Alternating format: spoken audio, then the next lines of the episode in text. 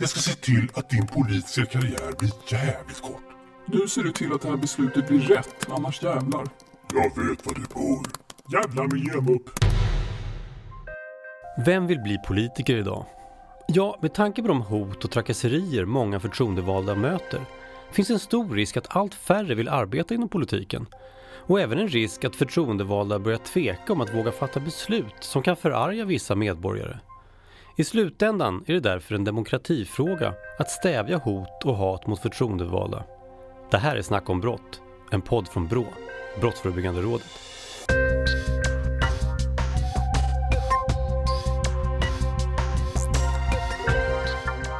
I ett öppet samhälle är det högt i tak och våra förtroendevalda är i allmänhet ganska tillgängliga för både medier och allmänhet. Men det har också en baksida, att de riskerar att bli utsatta för hot och hat. Brås rapport Politikernas trygghetsundersökning från 2017 kartlägger hur utsattheten ser ut för fullmäktigeledamöter i riksdag, kommuner, landsting och regioner. Ungefär 14 000 ordinarie ledamöter i Sveriges riksdag och fullmäktigeförsamlingar har tillfrågats om de har varit utsatta för trakasserier, hot och våld under 2016. Av dessa svarade drygt 8 000. Så hur vanligt är det att förtroendevalda utsätts? Anna Frenzel är utredare på Brå och författare till rapporten. Siffrorna i undersökningen visar att ungefär var fjärde förtroendevald uppger då att de utsatts antingen för hot, trakasserier eller våld under 2016. Och när vi jämför över tid så ser vi att det här är en ökning från 2012. Då var siffran 20 procent. Vi ser också att våld är en ganska ovanlig form av händelser. Det vanligaste är istället att man utsätts för hot och trakasserier och de här sker oftast via sociala medier. Totalt sett så ser vi att andelen kvinnor och män som uppger att de utsatts är ungefär lika hög. Vad är det då för typ av händelser det handlar om? Anna Frenzel igen. Det vi ser är att majoriteten av händelserna, ungefär 85 procent av händelserna, handlar om hot och trakasserier av olika slag, oftast via sociala medier, men det kan också vara till exempel att det kommer in hotfull e-post, eller till exempel kapade Facebook-konton. Resterande händelser, ungefär 15 procent, det handlar då om våld, skadegörelse och stöld. Så hur ser de förtroendevalda på varför de utsätts? Majoriteten av de förtroendevalda som utsätts, de förknippar händelsen med en särskild politisk fråga som man har jobbat med. Och när vi då ställer följdfrågor om vad det är för typ av frågor så handlar det oftast om frågor som rör till exempel integration och eh, flyktingmottagande och rasism. Hur ser det då ut för våra riksdagspolitiker? Anna-Karin Jonsson är biträdande säkerhetschef på riksdagsförvaltningen. Riksdagsledamöterna uppger ju i undersökningen att de upplever sig mer utsatta än, än övriga förtroendevalda. Och det kan ju dels bero på att de faktiskt är heltidspolitiker, vilket är en parameter i undersökningen. Men också att man är nationella talespersoner i de här frågorna som migration och integration. Vad kan man då säga om den typiska gärningspersonen? De flesta förtroendevalda som utsatts uppger att gärningspersonen är en man som de uppskattar vara mellan ungefär 45 och 64 år.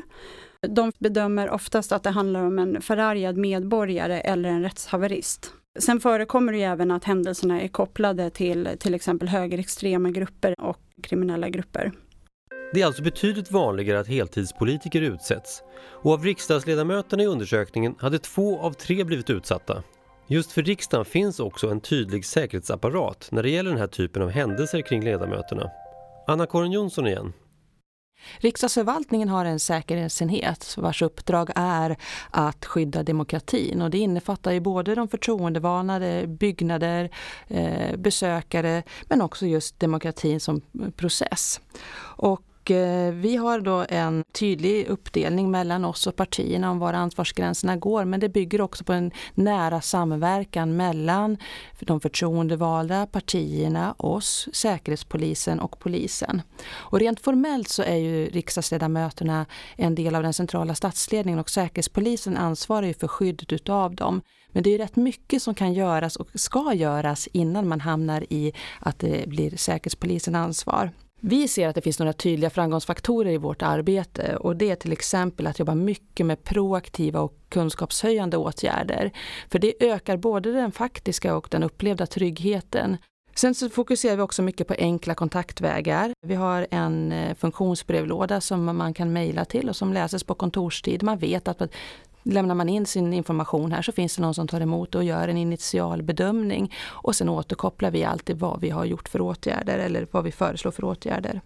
Vi har också tjänsteman i beredskap i vår organisation och det är ju en väg in utanför kontorstid som kan eh, ha ett stort värde eftersom det är sällan som de här sakerna inträffar just under normala arbetstider.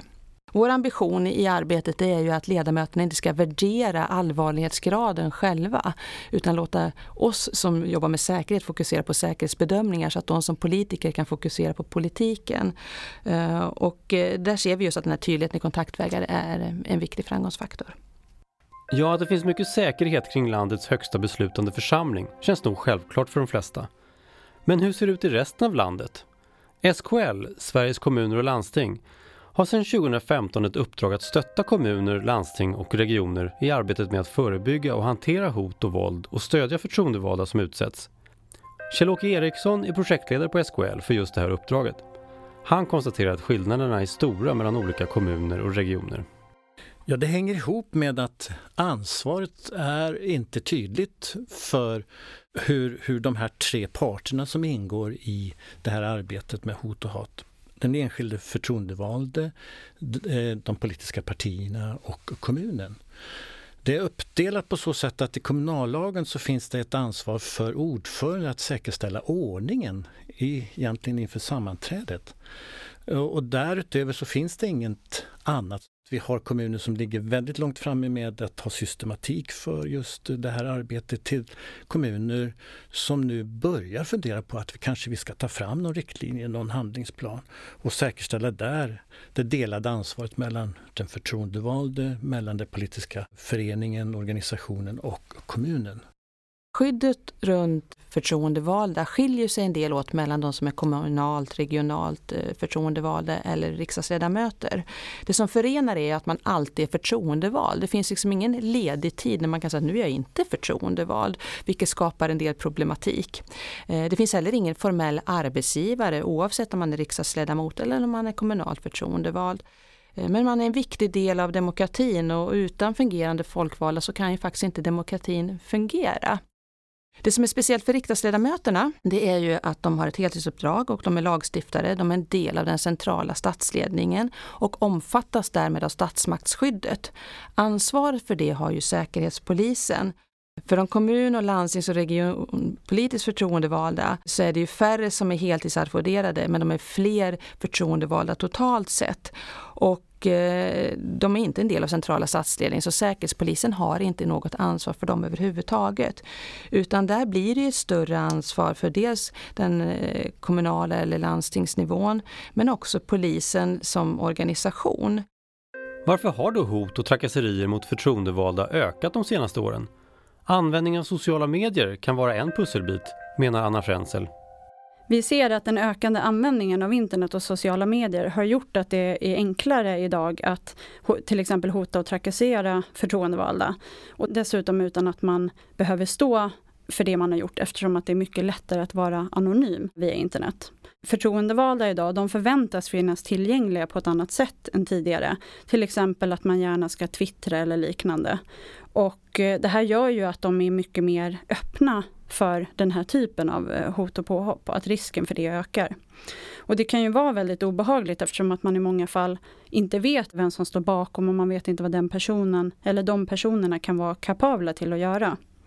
Och i vår undersökning så ser vi också att de förtroendevalda som är mest aktiva på internet och i sociala medier, det är också de som i störst utsträckning uppger att de har blivit utsatta.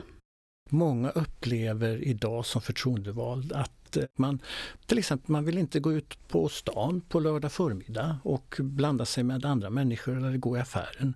Man går inte till sin pub som man alltid har gjort för att man vill inte bli påhoppad av kanske den där sakfrågan eller den där eh, beslutet som, som man skulle ta och så vidare.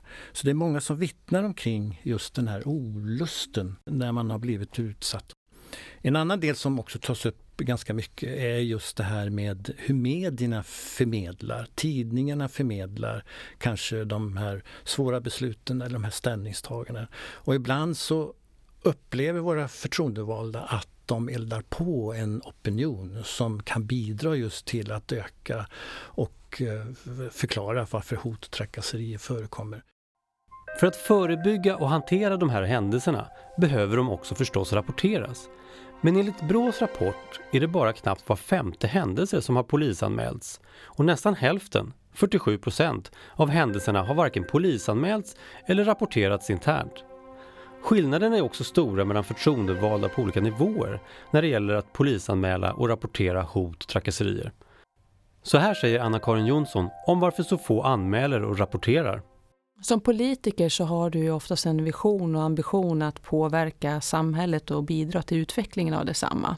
Och där ligger ditt fokus. Sen så händer det saker som brusar runt omkring och man ska fortfarande förändra världen, man ska ha fullmäktigemöte, man ska ha nämndsmöte eller man ska ta en debatt i riksdagens talarstol. Eh, och det är där man har sitt fokus och då hinner man kanske inte riktigt med, som man känner, att eh, lägga tid på en polisanmälan eller liknande. Och det är därför som det igen är så viktigt att det finns en enkelhet i vem rapporterar jag till? Vem är det jag tar kontakt med? Hur vet jag att det tas om hand? Och låter den funktionen i organisationen faktiskt värdera eller rekommendera om en polisanmälan ska göras eller inte. Sen tror jag också är viktigt att förstå varför man ska göra polisanmälan även om det inte leder till fällande dom. Det är viktigt att den rättsvårdande myndigheten får utreda om ett brott har begåtts eller inte. Även om man inte kan styrka det nu så har det ett värde för den enskilde därför att man kan känna en upprättelse eller en markering av att jag tar faktiskt inte det här och det är viktigt för att orka ett tag till. Om det inte anmäls så, så kommer det aldrig kunna bli lagfört. Det här kanske är en person som söker sig mot flera runt om i landet och efter ett tag så kanske din anmälan faktiskt spelade roll. Vi ser att de som har deltagit i politikernas trygghetsundersökning, av dem så uppger ungefär en tredjedel att man har inte kännedom om huruvida det finns en handlingsplan eller inte. Och var fjärde förtroendevald säger också att de inte vet om det finns en säkerhetsansvarig som man kan vända sig till om man har blivit utsatt. Och har man inte den kunskapen, då blir det såklart väldigt svårt att rapportera när man inte vet vem man ska vända sig till. Vi ser ju också att de vanligaste skälen till att man inte polisanmäler eh, de händelser som man råkar ut för, det är dels att man inte tror att anmälan kommer leda fram till någonting. Men sen är det också att man tänker att det, det är en del av ens uppdrag, det är något man får räkna med. Ja, att många inte vet vem de ska vända sig till visar på en grundläggande svårighet. Att veta vem som egentligen har det yttersta säkerhetsansvaret. Kjell-Åke Eriksson och Anna-Karin Jonsson reder ut. Utifrån vårt perspektiv när det gäller kommun, landsting, region så är det ju som sagt var lite otydligt vem som bär ansvaret för det. Ytterst så är det den enskilde förtroendevalde. Det är de politiska partierna som också ska jobba fram då handlingsplaner eller riktlinjer för att ha ett bra och fullgott säkerhetsarbete. Och eh, i vissa fall som jag har nämnt tidigare så är det också kommunerna som börjar ta på sig ett mycket större ansvar. Men det viktigaste i det här sammanhanget det är ju ur vårt perspektiv att kommunerna tar upp den här frågan i de här olika politiska församlingarna och tar en djup och bred diskussion omkring hur vill vi ha ansvarsfördelningen mellan oss? Vem är det som gör vad i både det förebyggande, när det händer och i efterarbetet? Vad gör jag som enskild? Hur kan jag förebygga och vad gör jag när i så fall det in, inträffar? Vad finns det i mitt parti för ingångar till att få stöd och hjälp? Och vad är det för någonting som, som för regelverk jag kan följa? Och vad är det kommunen kan göra, eller landstinget, regionen? Situationen för riksdagsledamöterna skiljer ju sig ifrån den från de övriga förtroendevalda runt om i landet genom att de faktiskt omfattas av Säpos personskydd och statsmaktsskydd vid behov. Något som är viktigt i det här, vi har ju pratat om polisanmälan flera gånger och det görs i vårt fall utav eh, ledamoten själv. Eh, oftast med stöd av partiet men det är också för att en del av brotten till exempel ofredande så handlar det om att det ska ha nått fram till den som är mottagare. Om jag anmäler det för att jag har läst ett brev som jag upplever innehåller ett ofredande så, så, gäller inte det om inte det har nått till mottagaren i sig själv. Så därför är det en viktig princip att, att ledamoten själv anmäler till polisen. Ja, även om det är en demokratisk rättighet för alla att ifrågasätta och debattera politik och beslut drabbas alltså många förtroendevalda av hat, hot och trakasserier. Och även våld. Hur påverkar det de enskilda som drabbas och samhället i stort? Det ska vi prata mer om nu.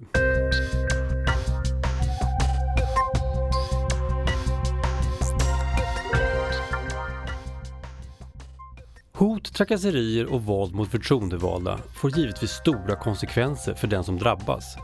Politiker i Brås undersökning vittnar om att det är vanligt att de censurerar sig själva och att det händer att de tvekar inför ett beslut eller inför en åtgärd, konstaterar både Anna Frenzel och Anna-Karin Jonsson. Många förtroendevalda i politikernas trygghetsundersökning de uppger att de påverkas i sitt uppdrag. Till exempel att de backar och avstår från att debattera i sociala medier.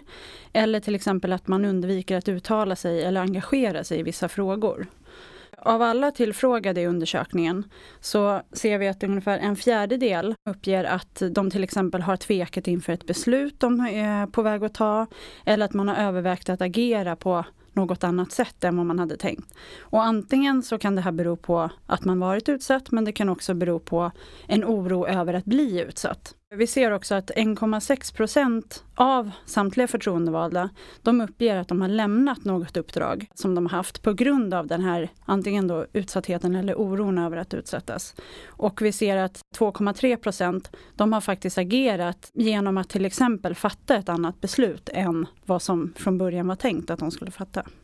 Målet med vårt säkerhetsarbete är ju att ledamöterna ska kunna säga och göra det de vill på den plats de vill över tid.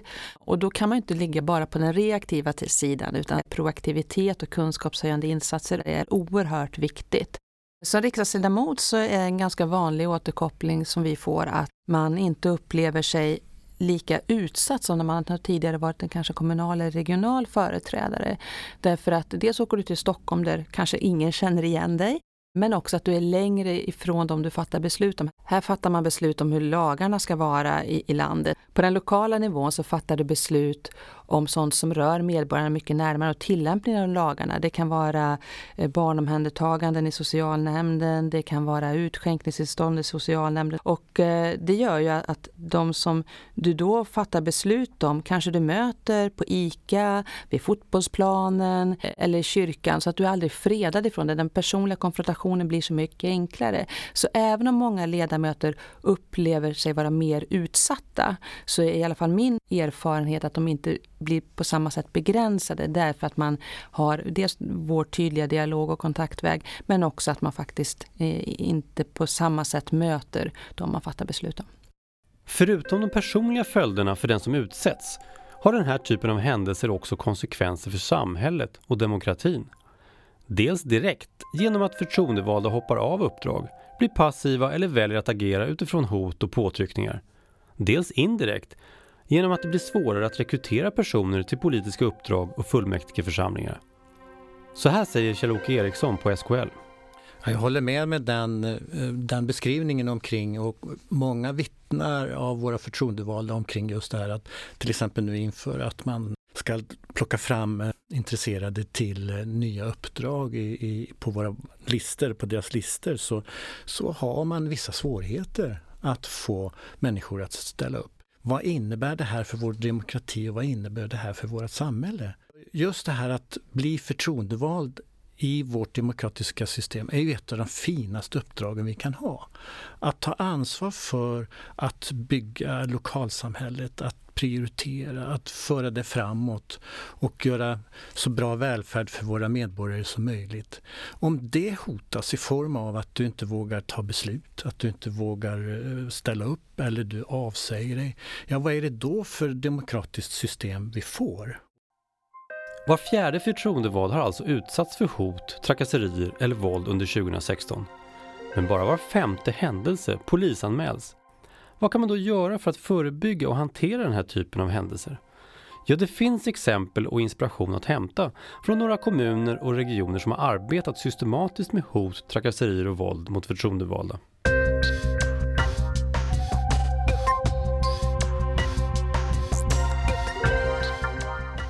Att förtroendevalda utsätts är i förlängningen ett hot också mot demokratin. Men hur ska man komma åt problemet, minska hoten och vända utvecklingen? Och hur kan man stödja förtroendevalda som utsätts? Jag tror att det här proaktiva resonemanget vi har pratat om, att man ska öka kunskapen, både om varför hotar någon, vad brukar hända när någon har hotat eller hatat och vilka steg ska jag nu ta eller vem, vilka steg tar någon annan för omsorg om mig? Det gör att man blir mindre påverkad för att man faktiskt förstår och upplever en kontroll och, och tar kontroll över situationen på ett annat sätt. Så kunskapshöjande åtgärder proaktivt tror jag är absolut centralt. Och sen det här att utreda kommunikationsvägarna. Vem berättar jag för? Vad gör den personen då? När blir det mer rätt än fel? Det viktiga är att man inte bär det själv och tror att det ska lösa sig av sig själv, för det gör sällan det. Från Brås håll så ser vi att det är svårt att synliggöra den här typen av händelser mot eh, förtroendevalda eftersom det inte går att hitta dem i den vanliga kriminalstatistiken. Så en väg att gå skulle kunna vara att polisen inför någon form av markering i polisanmälningar som eh, riktar sig mot eh, förtroendevalda. Och en annan sak skulle vara att polisen jobbar mer med att tydliggöra gärningspersonernas motiv i de här anmälningarna också. Sen är skärpt strafflagstiftning en annan aktuell fråga. Men oavsett lagar och straff behöver våra beslutande församlingar kunna förebygga och hantera den utsatthet som förtroendevalda möter eller riskerar att möta. Vissa typer av händelser som efterfrågas i Brås undersökning är inte brott i lagens mening. Kjell-Åke Eriksson berättar mer om SKLs arbete för att stödja förtroendevalda och de organisationer de arbetar i. Vi har under 2016 och 2017 jobbat ganska intensivt med våra medlemmar omkring att försöka öka kunskapen omkring detta med hot och hat och också jobba mer förebyggande omkring så att det inte uppstår och också hur man ska hantera när det uppstår. Vi har genomfört under året eh, fullmäktigeutbildningar som vi kallar det, ett erbjudande till alla kommuner och eh, under året har vi nu träffat 96 kommuner med cirka drygt 4000 politiker för att diskutera och reflektera just de här frågorna omkring hot och hat och trakasseri. Några kommuner, landsting och regioner som har arbetat systematiskt tillsammans med SKL för att ta fram konkreta verktyg är Västerbottens läns landsting, Region Norrbotten och kommunerna Filipstad, Nybro, Sollefteå och Uppsala. Vad kan andra lära sig av dem? Kjell-Åke Eriksson igen. Man kan lära sig ganska mycket, både om arbetssätt. Hur har man tagit fram till exempel de här handlingsplanerna och riktlinjerna? Man får lära sig hur man kan kartlägga, vad är, hur upplever man lokalt idag hot och hat och trakasserier. Man kan ta till sig och få kunskap omkring hur man kan bygga upp verktyg för, metoder för hur vi ska jobba med de här frågorna. Men Uppsala till exempel har en, en verktygslåda som de använder sig av där man ger vägledning om det uppträder, om det uppkommer och eh, hur man ska förhålla sig det stöd man kan förvänta sig och också om, om eh, utvecklingen och om eh, hur man ska följa upp på de här bitarna. Sollefteå har en eh, Youtube-film som ni kan klicka in på och där får ni hela deras process, hur de har lagt upp den. Och den är jättebra vägledning till hur vi kan lägga upp själva i vår kommun om vi inte riktigt är där framme, den här processen och få stöd och hjälp. Det finns också flera konkreta tips som förtroendevalda kan eh, ta till sig när det gäller hur man agerar i sociala medier. Ett tips det är ju att man, om man ska ut på ett besök någonstans, att man inte berättar om det här besöket innan man åker dit, utan att man efter besöket, då kan man lägga ut till exempel ett inlägg på Facebook eh, där man berättar vad man har gjort eh, för att få fram sitt politiska budskap. Ett annat tips är också att man inte använder platstjänster i eh, till exempel sociala medier. Och att man alltså inte checkar in på platser man besöker ofta. Och ett tredje tips kan också vara att man tänker på att man faktiskt kan välja vilka personer som ska få se ens inlägg som man eh, gör då till exempel på Facebook. Att alla ens inlägg behöver man inte göra tillgängliga för allmänheten. Och eh, sen just när det gäller till exempel Facebook så kan man också tänka på om man ska ha kanske två olika profiler, att man har en profil som är mer öppen och där man är mer offentlig, den offentliga personen. Och att man kan ha ett, eh, en annan profil som är enbart för det privata bruket. Hot, trakasserier och våld riskerar att skapa en ond spiral där politiker fjärmar sig från medborgarna och där man kanske stryper möjligheterna till dialog. Men i många fall kanske medborgare hotar och trakasserar för att de upplever att de saknar möjlighet att påverka. Så en väg till att minska utsattheten kan istället vara att utveckla kontaktvägar och bjuda in medborgare till mer dialog, menar Kjell-Åke Eriksson. Vi har under nästan till tio år jobbat med att stödja våra medlemmar med att utveckla medborgardialog som en del i styrningen. Och vi ser ju väldigt goda exempel på just det här att eh, om vi möjliggör deltagande från våra medborgare in i viktiga beslut, in i viktiga framtidsfrågor och så vidare, så finns det både kunskap och större förståelse för de vägar som eh, de förtroendevalda måste ta och de avvägningar som man måste göra i sin kommun. Och det finns ju också den ingången till att här kan man ju föra samtal genom att möta i olika former i, i, i dialog så får man ju både kunskap men också att eh, reflektera över sådana saker som man kanske går som, som medborgare och funderar över. Mötet skapar ju då möjligheten till att kunna vara med och påverka. Sen är det ju ändå de förtroendevalda som slutgiltigt fattar de här besluten.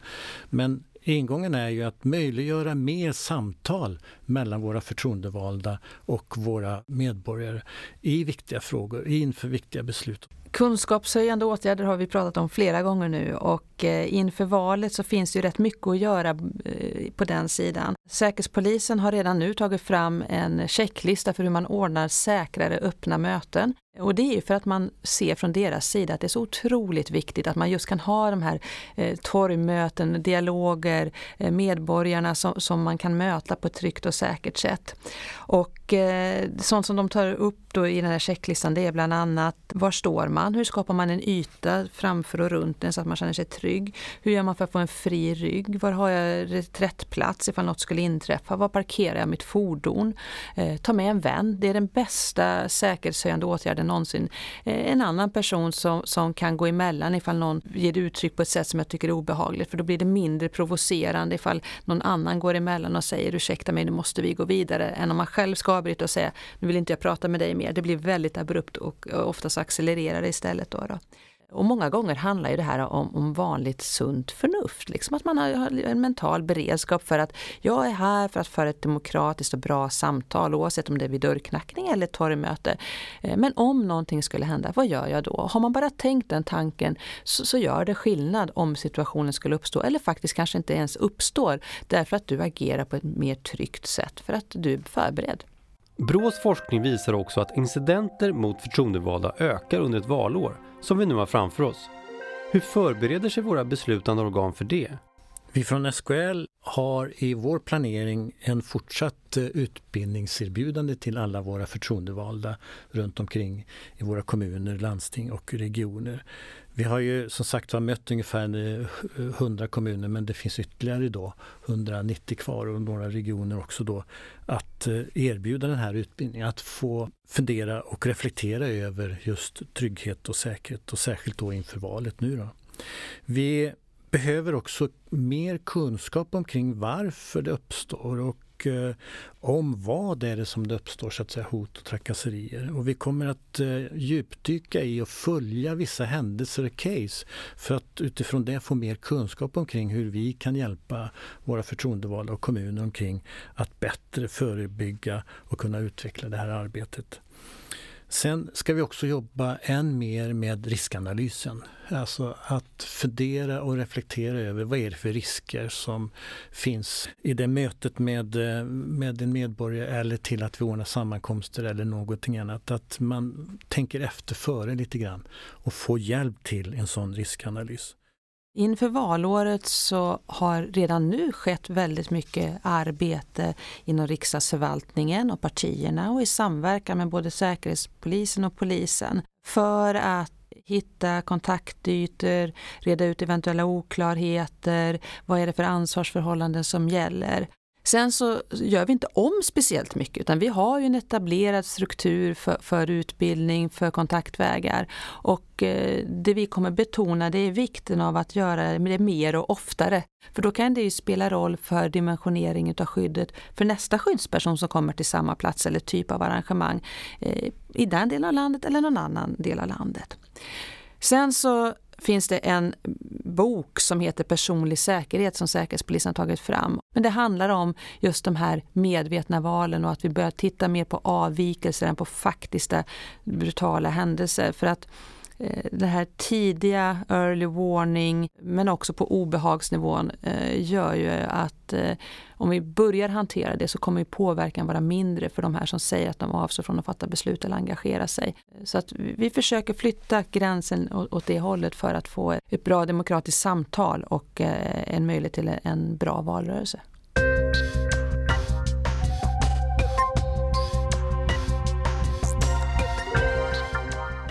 Hot, trakasserier och våld mot förtroendevalda är i förlängningen ett hot mot demokratin och vårt öppna samhälle. För att förebygga sådana händelser och förbättra säkerheten och stödet för de som utsätts behövs en större medvetenhet om problemet och hur man kan förebygga och hantera det på ett bättre sätt. Bland annat genom SKLs hjälp eller med inspiration från kommuner och regioner som aktivt jobbat med frågan. Läs gärna mer på SKLs hemsida, skl.se i Brås rapport Politikernas trygghetsundersökning 2017 och handboken Att förhindra och hantera incidenter mot förtroendevalda. Du hörde Anna Frenzel, utredare på Brå, Anna-Karin Jonsson, biträdande säkerhetschef på riksdagsförvaltningen och Kjell-Åke Eriksson, SKLs projektledare kring hot och hat mot förtroendevalda. Och jag, jag heter Johannes Rosenberg. Dela gärna podden i sociala medier. Snacka om brott produceras av Koppifabriken. Tack för att du lyssnade. Vi hörs igen.